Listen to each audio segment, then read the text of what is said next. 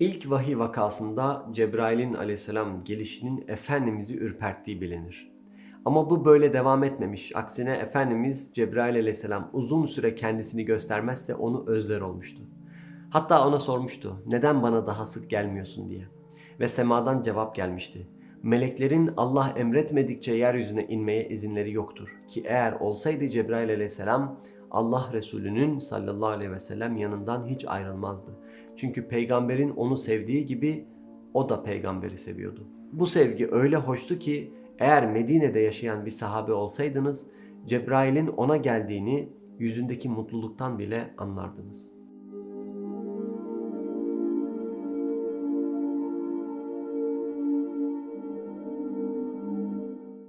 Ramazanın sonu geliyor ve belki de aramızda son 10 günü ibadetle geçiren, Allah'ın rahmetine mazhar olmuş, böylece evleri melekleri misafir edenler var.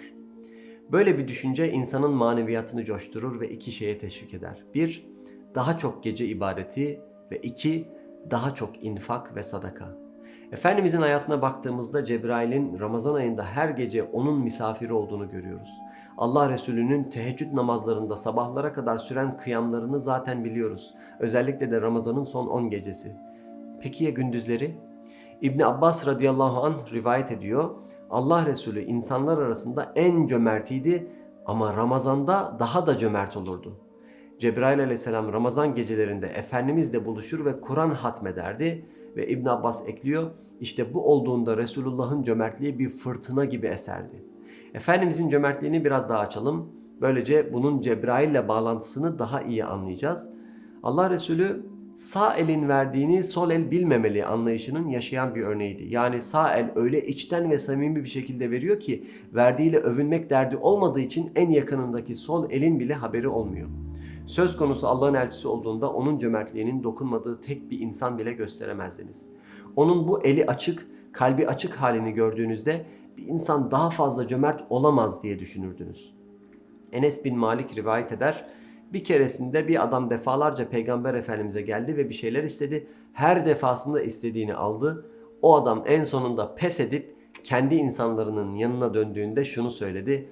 İslam'ı bağrınıza basın çünkü bu insanın Muhammed'in sallallahu aleyhi ve sellem fakirlikten hiçbir korkusu yok. Ve siz Efendimizin bunu özellikle kalbi İslam'ı ısınması gereken insanlara karşı yaptığını görüyorsunuz. Yani kendi eski düşmanlarına karşı. Mesela Ebu Sufyan, Efendimiz ona 100 deve verdi. Başka bir zaman bir 100 deve ve başka bir zaman bir 100 deve daha verdi. Yani toplamda 300 tane deve vermişti. Mesela Hazreti Bilal'in onun cömertliğinden dolayı bitap düştüğünü görüyoruz. O anları şu şekilde aktarıyor. Ne zaman Efendimiz Aleyhisselatü Vesselam bir mal edinse onu hemen elinden çıkartmak, infak etmek isterdi. Ve sık sık yaşanan bu olay öyle bir noktaya gelirdi ki Hazreti Bilal Efendimizin bağışladığı şeyleri bağışladığı kişiye yetiştireyim derken yorulurdu. Ebu Zer radıyallahu an aktarıyor.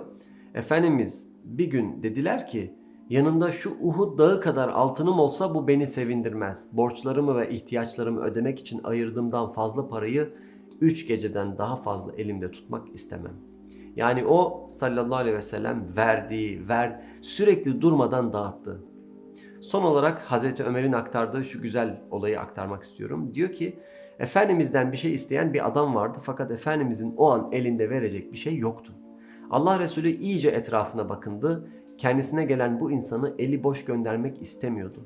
Sonra adama döndü ve şu an verecek hiçbir şeyim yok ama git benim adımı ver ve istediğin şeyi satın al. Param olduğunda ben gidip ödeyeceğim dedi. Yani elinde bir şey olmamasına rağmen söz vermişti. Bir nevi kredi vermişti. Tabi bu yaşanan şey Hazreti Ömer radıyallahu anh'ı rahatsız etmiş. Allah'ın peygamberinin böyle bir borç altına girmesini, bu kadar cömert olmasını istememişti. Şöyle dedi. Bırak bunu ben halledeyim ya Resulallah. Allah Celle Celaluhu sana gücünü aşan bir yük yüklemez.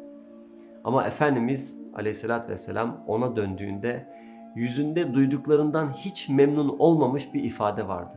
Yani Hazreti Ömer'in söyledikleri hoşuna gitmemişti.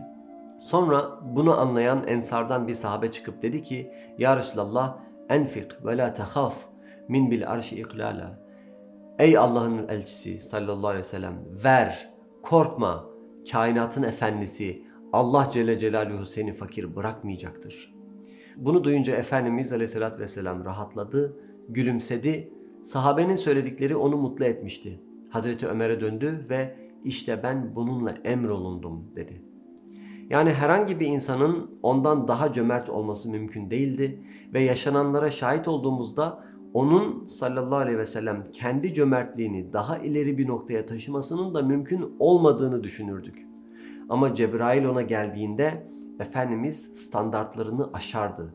Alimlerin bununla alakalı bahsettikleri çok tatlı bir nokta var. Diyorlar ki yanında hayırlı bir dostun, bir hayır hahın varsa o sana Allah'ı hatırlatır ve sen de daha çok hayır işlemek istersin. Dolayısıyla Efendimiz Cebrail ile buluştuğunda Cebrail Efendimiz'e eşlik ettiğinde alimlerin bahsettiği bu hayırlı dostluk, hayırhahlık devreye giriyordu. Aynı Efendimizin aleyhissalatü vesselam etrafındaki herkesi hayra teşvik etmesi gibi.